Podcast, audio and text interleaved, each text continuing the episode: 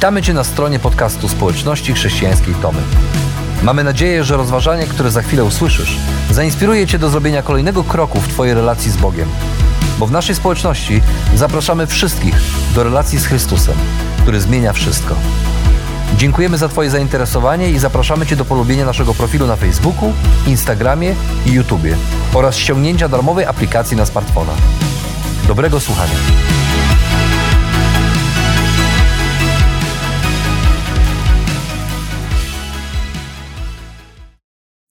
Są takie chwile w życiu, kiedy wszyscy potrzebujemy obecności drugiej osoby.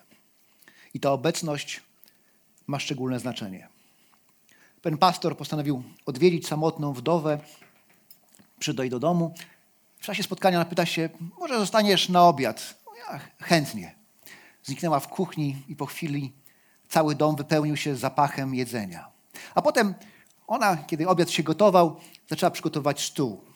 Wyjęła biały obrus, srebrne sztućce, lniane serwetki. On patrzy zdziwiony i mówi, daj spokój, nie zawracaj sobie głowy. My w domu z żoną jadamy w kuchni. Ona jakby nie słyszała, wyjmuje z kredensu grawerowane szklanki, każdą z nich wyciera, ustawia na stole. On mówi, ale daj spokój, jesteśmy tylko we dwoje, tylko ty i ja. My naprawdę w domu jemy w kuchni. Ona patrzyła na niego, zmierzyła go spojrzeniem z góry na dół i mówi, przestaniesz w końcu? Trochę się zdziwił, że tak bardzo się zirytowała. Ona na niego patrzy i mówi, czy ty wiesz, jak to jest? Każdego dnia przygotować posiłek tylko dla jednej osoby. Tak to jest, że niektórzy przygotowują każdego dnia posiłek tylko dla jednej osoby i sami też go jedzą. I są takie chwile, kiedy potrzebujemy obecności drugiej osoby i ta obecność ma znaczenie. Kiedy mały chłopiec obudzi się z płaczem w środku nocy, bo miał zły sen, to nie pomoże mu jego ulubiony miś przytulanka, ani kolejna bajka w telewizji, ani gra na komputerze. Nawet babcia czy siostra mogą nie dać rady, ale to, czego potrzebuje, to obecności mamy albo taty. I tylko kiedy wtuli się w ich ramiona, to poczuje się naprawdę bezpiecznie. Tak bezpiecznie, że znowu zaśnie. A kiedy dorastamy, to wcale nie stajemy się inni, bo my też potrzebujemy obecności innych ludzi, zwłaszcza kiedy przeżywamy trudne chwile. To potrzebujemy, aby ktoś po prostu z nami był. Nie musi nic mówić, niczego wyjaśniać, radzić, ale ważne, żeby był, po prostu był.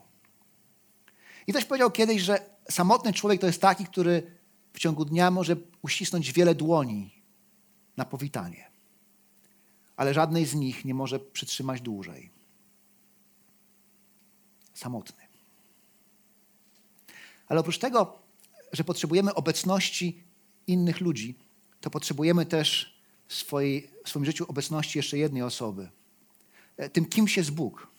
Bo tak też zostaliśmy stworzeni przez Boga, tak zostaliśmy stworzeni, że nie tylko potrzebujemy obecności innych, ale też potrzebujemy mieć poczucie Jego bliskości, Jego obecności.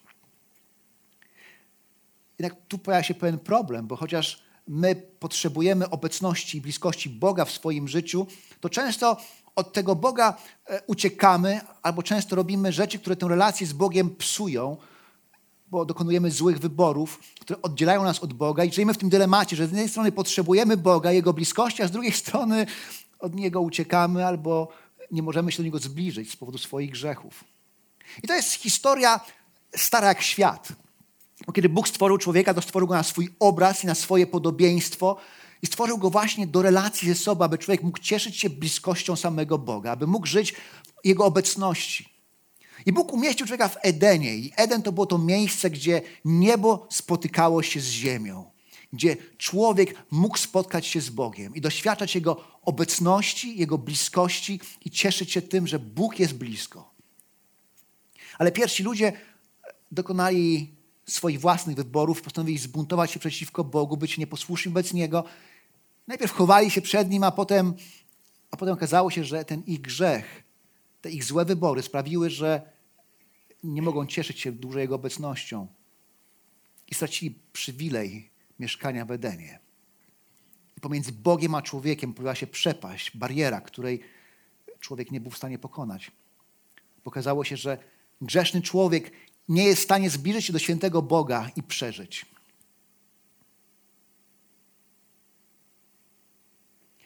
Jednak Bóg jest Bogiem, który chce być blisko. I przez wieki historii Bóg realizował swój plan, aby na nowo odbudować relacje z człowiekiem. I na różne sposoby przychodził do człowieka, objawiał się. I nadszedł taki moment, kiedy Bóg wyprowadził swój naród, naród izraelski, z niewoli. I też Bóg postanowił, że ten naród będzie jego szczególnym narodem. Więc po raz kolejny Bóg objawił się, objawił swoją obecność w szczególny sposób na górze Synaj, ponieważ Bóg chciał zawrzeć z Izraelem swoje przymierze. Chciałby, to był jego szczególny lud, to będzie jego lud, a on będzie ich Bogiem. I oto na górze Synaj znowu było to miejsce, gdzie niebo spotkało się z ziemią, gdzie Bóg mógł spotkać się z człowiekiem. I kiedy nastąpiło, cała góra płonęła. By grzmoty, błyskawice i wszyscy wiedzieli, że sam Bóg tam się pojawił, zamanifestował swoją obecność. I ludzie patrzyli na tę górę z przerażeniem, wiedzieli, że nie mogą się zbliżyć do niej, ponieważ, ponieważ grzeszny człowiek nie może zbliżyć się do Boga i przeżyć. Powiedzieli Mojżeszu, ty, ty rozmawiaj w naszym imieniu z Bogiem, bo ten Bóg jest groźny. To trochę tak jak w opowieściach z Narni C.S. Louisa, kiedy dzieci dostają się do krainy zwanej Narnią i tam dowiadują się, że ma powrócić władca tej krainy, Lew Aslan. E, dowiadują się, że Aslan, który w książce jest obrazem Chrystusa, jest właśnie lwem. To zdziwione zadają pytanie, lwem? Ale to znaczy, że on jest groźny? Czy on jest groźny? Oczywiście, że jest groźny, bo on nie jest oswojonym lwem. On jest groźny, ale jest dobry.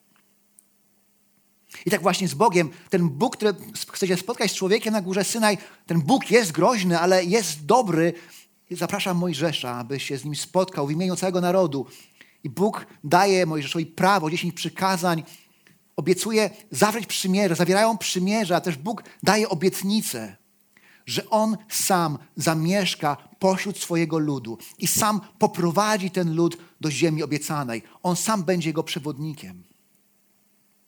Bóg jest groźny, ale jest dobry. I w tym czasie, kiedy Mojżesz jest na górze, Izraelici na dole nie mogą się doczekać. I tak jak w ogrodzie Eden, dokonują swoich złych wyborów. Postanawiają zrobić, postanawiają zrobić sobie swojego własnego Boga, złotego cielca. Tego Boga, który będzie bardziej namacalny, który będzie mniej groźny, który będzie bardziej widzialny, bardziej dostępny, bardziej przewidywalny. Takiego Boga bardziej na ich warunkach. I co zrobili? I zrobili tego Boga, złotego cielca, i tym samym złamali przymierze, które dopiero co zawarli z Bogiem. To tak jakby ktoś zdradził pannę młodą w noc poślubną. I ponieśli tego konsekwencje, bolesne, tragiczne konsekwencje, a jedną z tych konsekwencji było to, że Bóg powiedział: Nie pójdę z wami.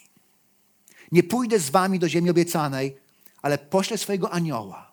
I to on będzie was prowadził. On was prowadzi do ziemi obiecanej, wypędzi przed wami inne narody, dostaniecie ją, ale ja z wami nie pójdę, bo moglibyście po drodze wyginąć, mógłbym was zniszczyć.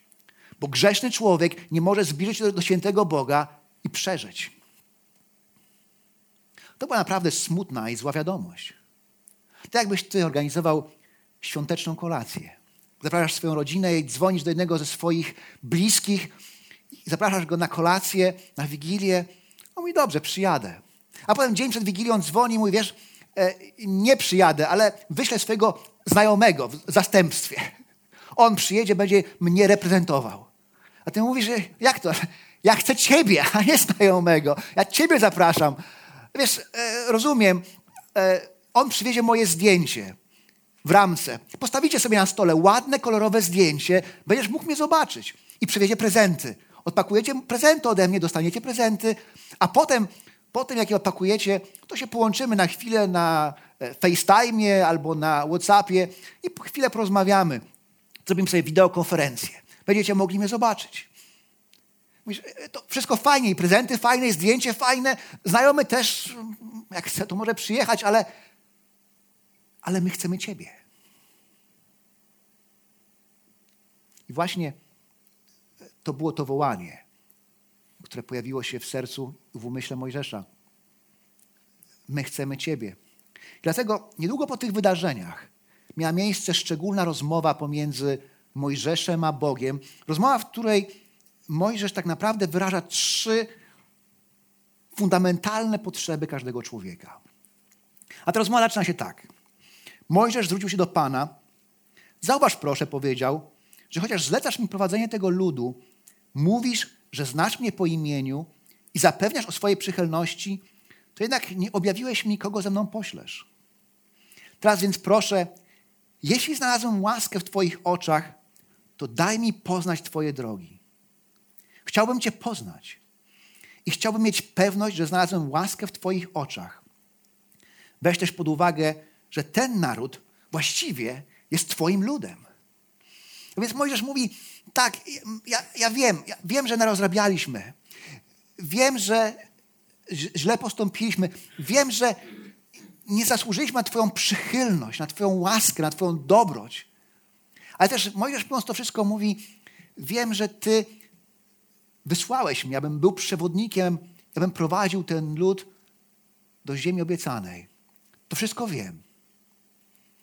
Ale też, jeżeli to prawda, że jesteś łaskawy, jeśli to prawda, że jesteś mi przychylny, jeżeli to prawda, że chcesz, abym ja był na czele tego ludu i go prowadził dalej, to chcę wiedzieć, kogo z nami poślesz, kto z nami pójdzie. Nie tylko chodzi o to, kto będzie nam naszym przewodnikiem, ale kto będzie nam towarzyszył. Czy to będzie zdjęcie, rozmowa na FaceTime, na WhatsAppie, czy to będziesz ty, bo my chcemy ciebie. A potem Mojżesz mówi, bo jeżeli naprawdę tak jest, że znalazłem łaskę w Twoich oczach, jeżeli tak to jest prawda, to ja chcę poznać Twoje drogi, chcę poznać Twoje plany. A potem mówi, chcę poznać Ciebie. I to jest jedna z tych fundamentalnych potrzeb każdego człowieka. Chcę poznać Ciebie. Nie ma kultury na świecie, która w jakiś sposób nie szukałaby Boga, nie czciłaby jakiegoś Boga, bo człowiek potrzebuje mieć relację z Bogiem, potrzebuje poznać Boga. I chociaż czasem mamy to poczucie, że narozrabialiśmy, że zawiedliśmy, a czasami mamy ochotę dać sobie spokój z Bogiem, albo nie rozumiemy tego, co Bóg robi, tego, co się dzieje wokół nas, to ciągle w nas jest to pragnienie, żeby poznać Boga, żeby Go znać. To jest fundamentalna potrzeba każdego człowieka.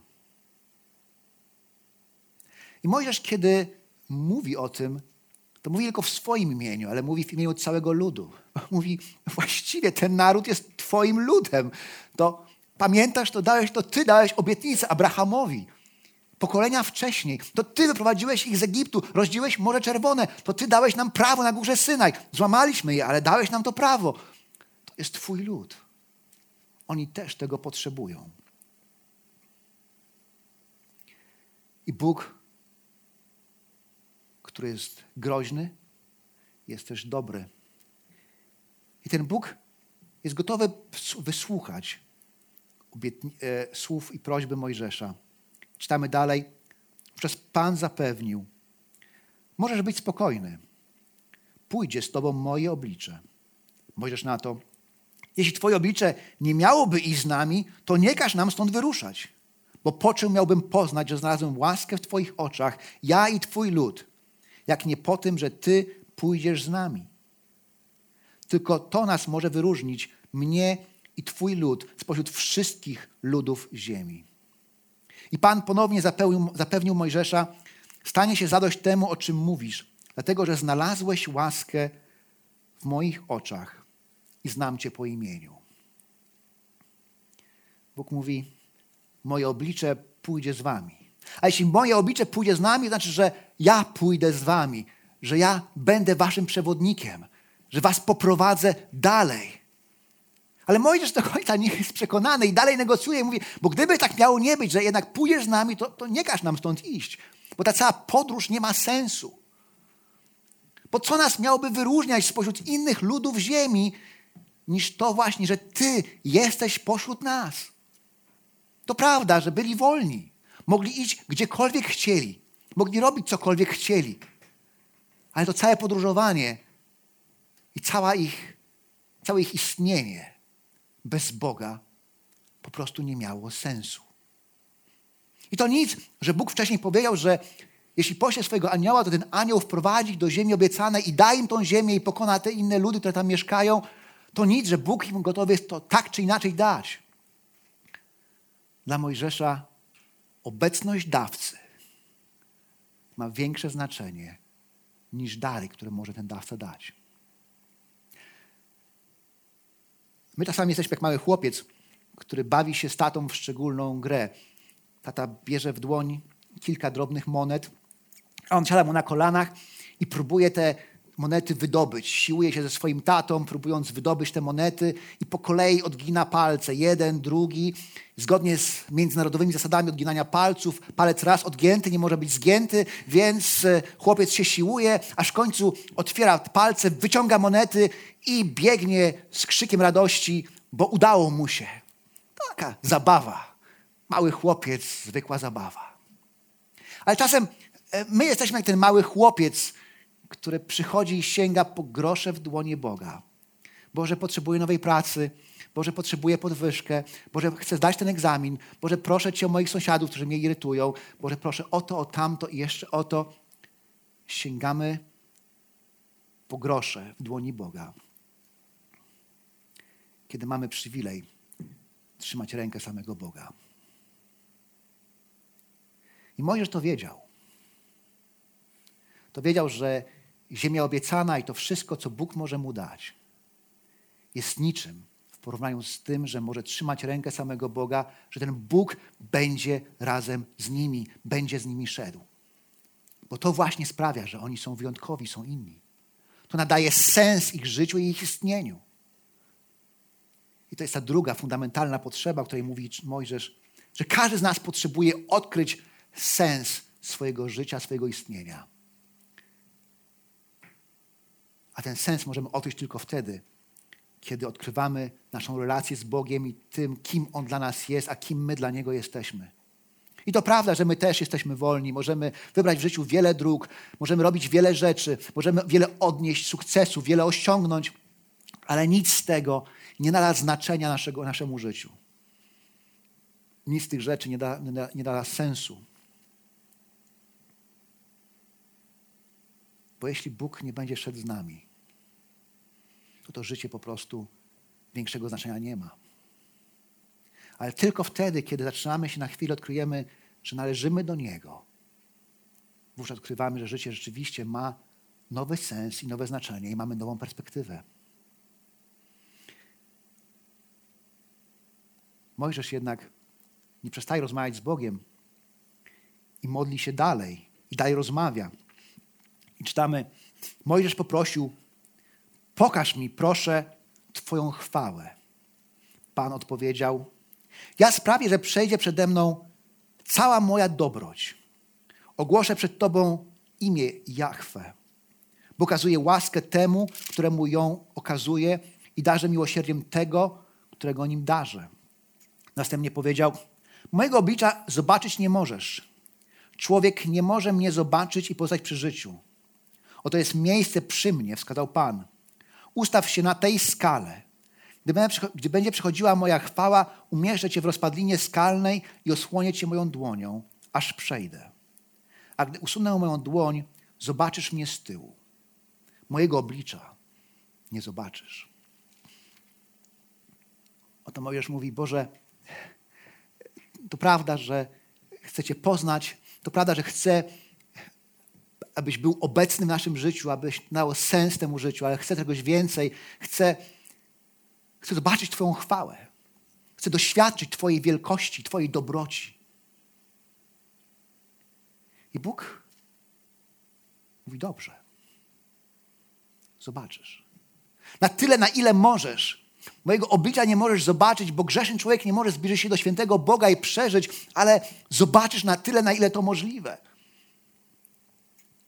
I Bóg robi wszystko, aby Mojżesz mógł doświadczyć Jego obecności, Jego bliskości, a jednocześnie, żeby był w tym wszystkim bezpieczny, umieszcza, umieszcza go w rozpadlinie skalnej, osłania go swoją dłonią. I Mojżesz może zobaczyć coś, ale nie Boże oblicze, ale może doświadczyć Boga. I to ciekawe, że na początku ten tekst, w tym tekście Mojżesz mówi, Ty znasz mnie po imieniu. Bóg go zna po imieniu. A w tym momencie Bóg mówi i przejdzie przed, ogłoszę przede mną moje imię, Jahwe. Ty też będziesz mógł mnie jeszcze poznać po moim imieniu. Doświadczysz wielkości, wspaniałości mojego imienia. Dlaczego to było możliwe? Bo chociaż my jako ludzie namieszaliśmy, chociaż my jako ludzie odwróciliśmy się od Boga, chociaż od Niego uciekamy, chociaż nasze grzechy oddzielają Go od Boga, to Bóg chce być blisko. Kiedy czytamy ten tekst, to odkrywamy kolejną fundamentalną potrzebę człowieka, że człowiek nie tylko chce go poznać, nie tylko chce odkryć sens swojego życia, ale też człowiek potrzebuje doświadczyć Boga. Doświadczyć Jego dobroci, Jego działania w swoim życiu i żyć z Nim każdego dnia. A jak to jest możliwe? Gdybyśmy czytali ten fragment i wzięli flamaster, zaczęli podkreślać powtórzenia, to w tym tekście powtarza się słowo łaska. Mojżesz mówi, że wiem, że znalazłem przychylność i łaskę w Twoich oczach, a jeśli znalazłem łaskę w Twoich oczach, a jeżeli, a skąd będziemy wiedzieli, czy znaleźliśmy łaskę w Twoich, oczy, twoich oczach? A potem Bóg mówi, tak, znalazłeś łaskę w moich oczach, jestem Ci łaskawy. A potem mówi, ja okazuję łaskę temu, komu, któremu okazuję i okazuję swoje miłosierdzie temu, któremu je okazuje. Okazuje się, że fundamentem tego wszystkiego, co dzieje się w tym tekście, jest Boża łaska. A czym jest łaska? To jest ta niezasłużona Boża przychylność, niezasłużony dar. My nie zasługujemy na to, aby doświadczać Boga, Jego obecności, Jego bliskości, ale Bóg chce i robi wszystko, co tylko możliwe, aby człowiek mógł to zrobić, aby się do nas zbliżyć. Bo On jest groźny, ale dobry. Dobry i łaskawy.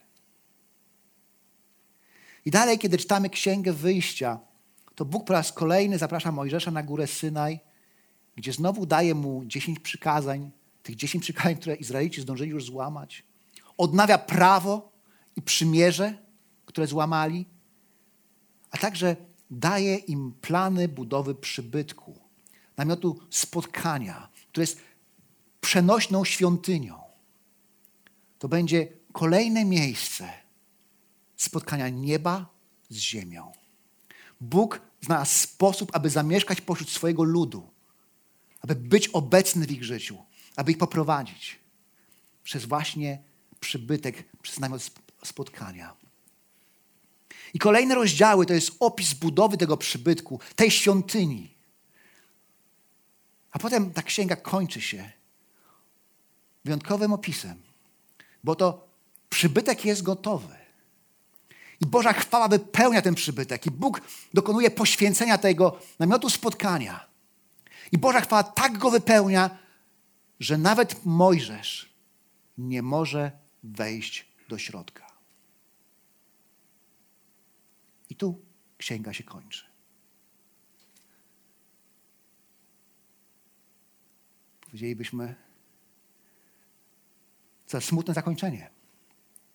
Nawet Mojżesz nie może wejść do środka.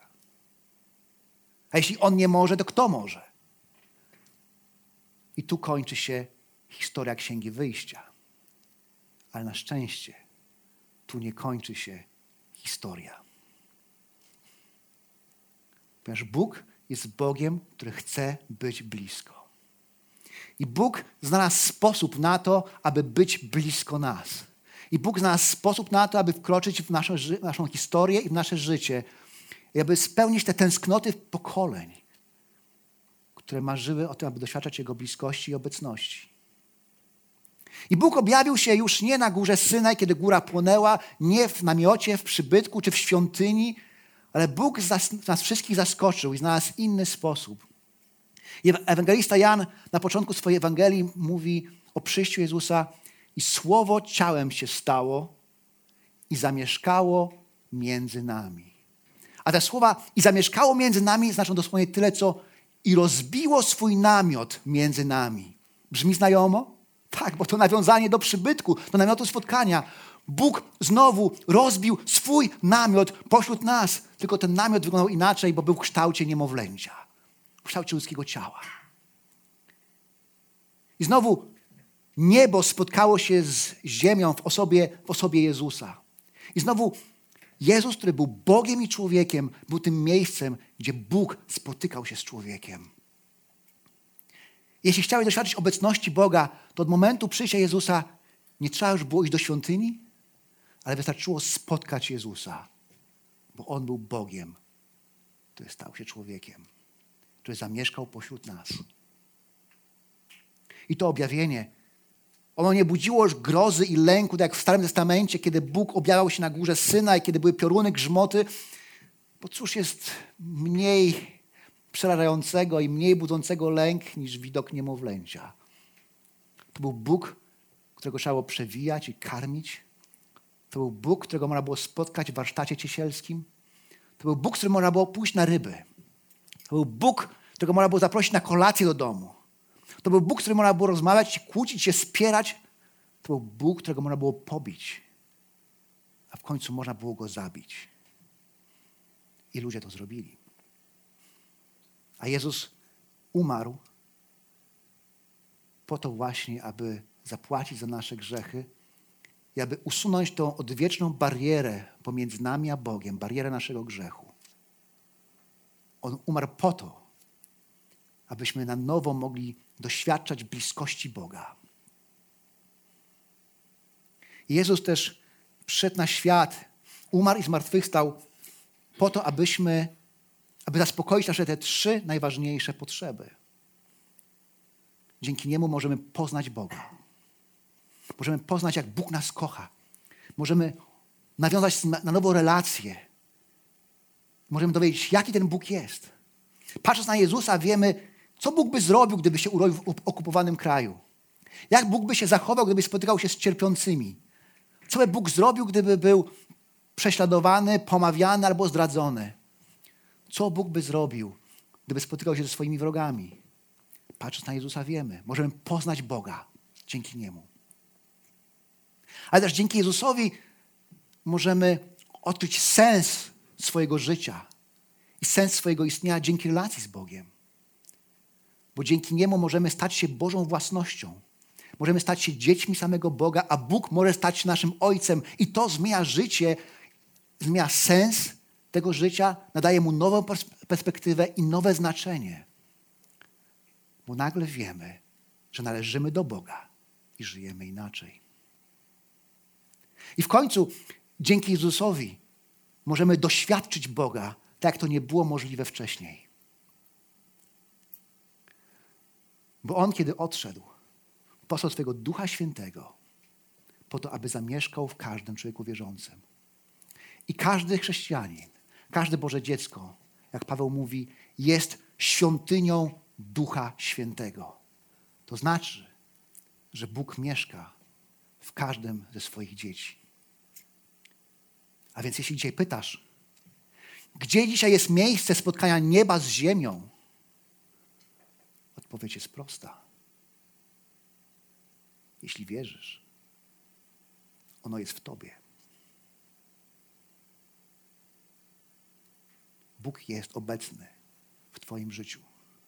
W chwilach dobrych i złych, w chwilach, kiedy się cieszysz i kiedy płaczesz. On jest obecny zawsze. Bo On nas nigdy nie zostawił. A więc, kiedy wsłuchujemy się w tę historię, to odkrywamy, że Bóg zrobił wszystko, abyśmy mogli Go poznać, odkryć sens swojego życia i doświadczyć Jego bliskości. Doktor Campbell Morgan wspomina, że kiedy jeszcze był młodym pastorem, raz w tygodniu prowadził spotkanie biblijne. I któregoś razu w czasie tego spotkania studiowali tekst, kiedy Jezus odchodząc z tego świata powiedział, że odtąd jestem z wami zawsze, aż do skończenia świata. Jedna, I wtedy pastor Morgan powiedział, czy to nie jest piękna obietnica? Pewna kobieta patrząc na niego mówi, pastorze, to nie jest obietnica. To fakt. To fakt. On jest z nami.